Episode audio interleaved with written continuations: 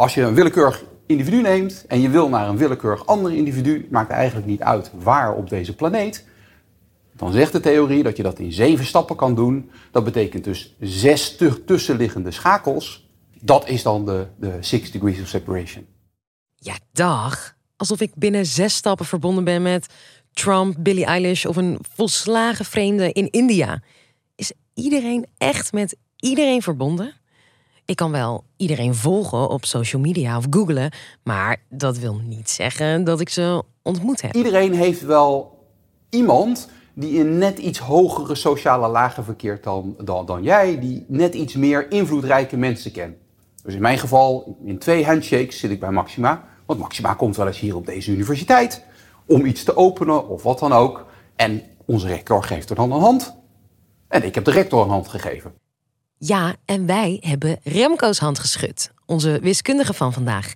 Heb ik via via gewoon Maxima een hand gegeven. Aan de ene kant bijzonder, maar ja, wie schudt er nou meer handen dan onze koningin? Al dat handen schudden is niet zonder risico. Dat heeft corona ons wel geleerd. Als het om een besmettelijk virus gaat en je bedenkt dat de hele wereld in zes stappen met elkaar verbonden is, dan is die hele theorie iets minder grappig.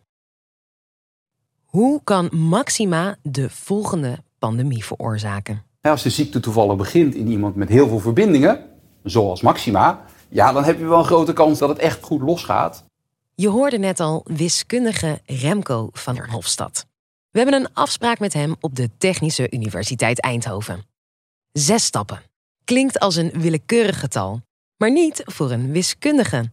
Voor hem is zes super logisch. Als ik 100 mensen ken en die kennen weer 100 mensen, dan ken ik eigenlijk 10.000 mensen op afstand 2 en een miljoen mensen op afstand 3. Oké, rekenmachine erbij. 100. Nog een keer 100. Nog een keer 100. Dan zitten we binnen zes stappen op 10 miljard mensen. Dit is wel veel te simpel. Al is het alleen maar omdat als ik jou ken en ik ken 100 mensen en jij kent ook 100 mensen, dan is één daarvan ben ik. Maar dat is nog veel te simpel, want heel veel van mijn vrienden die zijn weer vrienden van elkaar. Dat is typisch wat je ziet in een sociaal netwerk.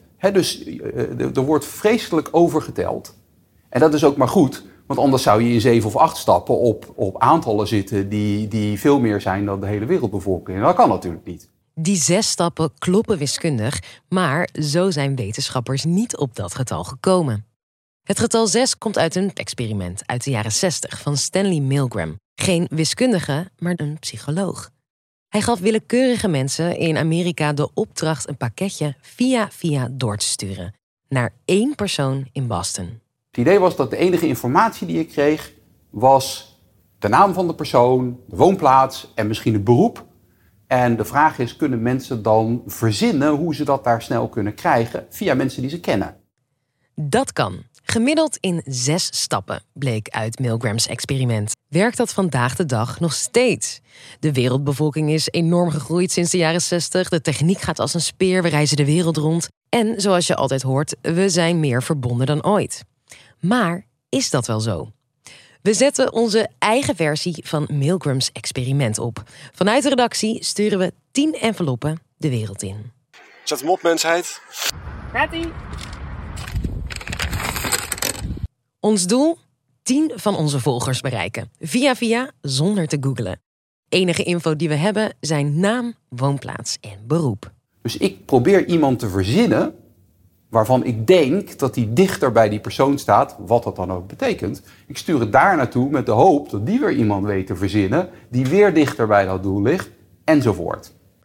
Mensen die je kent. Dat is een ruim begrip. Want als ik zeg dat jij mijn vriend bent, wil dat nog niet zeggen dat jij zegt dat ik jouw vriend ben. Dus je moet elkaar een hand hebben gegeven. Dat is onze afspraak. Als ik jouw hand heb geschud, heb jij ook mijn hand geschud. Nou, dan kan je dus kijken wie van de mensen op deze wereld die ik een hand heb geschud, ligt het dichtst bij nou ja, daar waar ik het uiteindelijk naartoe wil hebben. Milgrams experiment, en dat van ons, heeft nog een extra uitdaging. Wij weten niet precies wie verbonden is met wie. Dus je moet daarin ook nog een soort inschatting maken van ja, wie ligt dichterbij en misschien zelfs wel wie is bereid om het pakketje ook door te sturen. Gelukkig hebben wij trouwe fans, zoals Bart, die ons helpen en dat voor ons filmen. Ik heb een envelop binnengekregen. En in die envelop zitten weer heel veel andere enveloppen. En gelukkig ook instructies wat ik moet doen. Op naar de brievenbus. Zo leuk! Je zou bijna vergeten dat het hier om keiharde wiskunde gaat. We maken allemaal deel uit van een netwerk. Dus als wij het in de wiskunde hebben over een netwerk, dan hebben we het over dingen, mensen, computers of iets anders, die op de een of andere manier met elkaar verbonden zijn. Dus in een sociaal netwerk kan je zeggen, ik heb twee, twee mensen en die zijn met elkaar verbonden op een bepaalde manier. Handen geschud, Facebook-vrienden, LinkedIn-vrienden of ze hebben elkaar het afgelopen maand gezien. Dat zijn dus al vier manieren waarop je een netwerk kan maken tussen mensen. Het zijn allemaal sociale netwerken, maar ze kunnen heel verschillend zijn. Goed moment om weer terug te gaan naar Maxima. Als we alle handshakes van Maxima nemen, dan hebben we een giganetwerk. En als we dan alle mensen toevoegen die via via Maxima's hand hebben geschud, dan groeit dat netwerk enorm snel. Exponentieel noemen we dat in de wiskunde.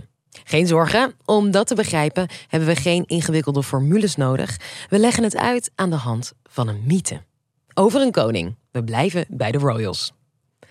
In Perzië was er een koning die gek was op schaken. En een man die prachtige schaakborden kon maken. De koning vroeg hem of hij speciaal voor hem een schaakbord kon maken. Zo gezegd, zo gedaan. Als beloning mocht de schaakbordenmaker vragen wat hij wilde. En hij zei: Ik heb hier een schaakbord. Ik wil graag één rijstkorreltje op het eerste vakje van het bord, twee rijstkorreltjes op het tweede, vier op de derde, acht op de vierde, et cetera, tot het hele bo- bord vol ligt. En die koning zei, ja maar, maar dat gaat toch helemaal nergens over? Je kan alles vragen wat je wil. Waarom doe je dit?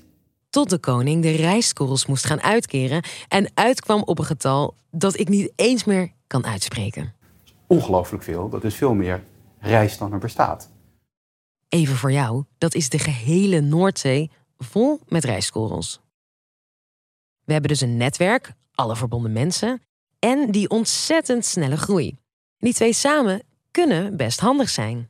Als ik een nieuwtje wil verspreiden of ik wil dat mijn post viraal gaat, ja, dan is het best wel fijn om te weten dat dingen heel hard kunnen gaan. Dat is allemaal hartstikke, hartstikke prima. Maar het heeft ook wel zo zijn duistere kanten.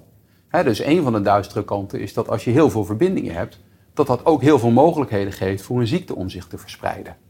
Dus stel even, ehm, eh, eh, we nemen koningin Maxima en we doen een of ander goedje op haar handen, wat niet te zien is, eh, maar wat wel doorgegeven wordt. Dus zodra zij iemand een hand geeft, heeft die persoon ook dat goedje op zijn of haar handen.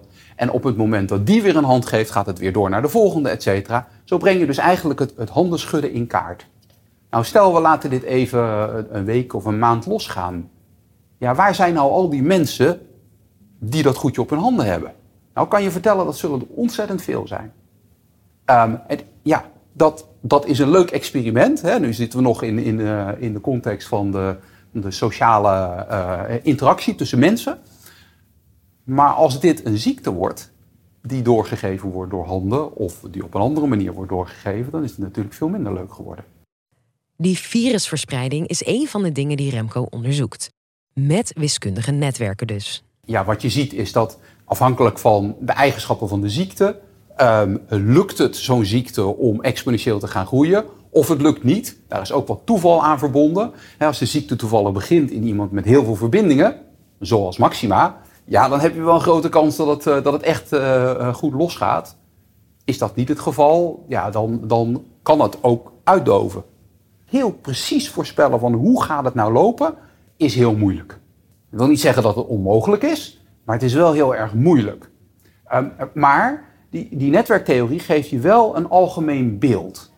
Dus eh, er zijn eh, eh, situaties waarin de ziekte zodanig is dat die in het begin in ieder geval exponentieel gaat groeien. En dan ben je gewoon zwaar de klos. Dat weten we. Ja, als je in zes stappen iedereen op de wereld kan bereiken, dan kan een virus dat dus ook. Nou, maar goed dat we in onze pakketjes geen virus hebben gestopt. En eh, daarover gesproken, waar zijn die allemaal naartoe gereisd? Ik heb eh, vandaag een hele leuke envelop gekregen. Er stond niet zo heel veel op. Het was gewoon een envelop met een paar postzegels.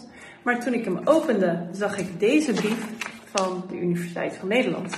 En toen dacht ik, oh ja, ik heb me opgegeven voor een experiment. Nou, deze brief heeft mij in drie stappen bereikt, zoals hier te zien is. Oké, niet alle tien, maar er zijn er toch een paar aangekomen. Six Degrees of Separation kan dus ook een vet experiment opleveren. Hoe leuk is wiskunde? Ik krijg ook heel vaak de reactie van, oh, voor een wiskundige ben je nog best normaal. Vond je dit nou een leuke podcast? Vergeet je dan niet te abonneren. Of kijk de video, dat kan op YouTube, maar ook op Spotify. Dankjewel voor het luisteren en tot de volgende.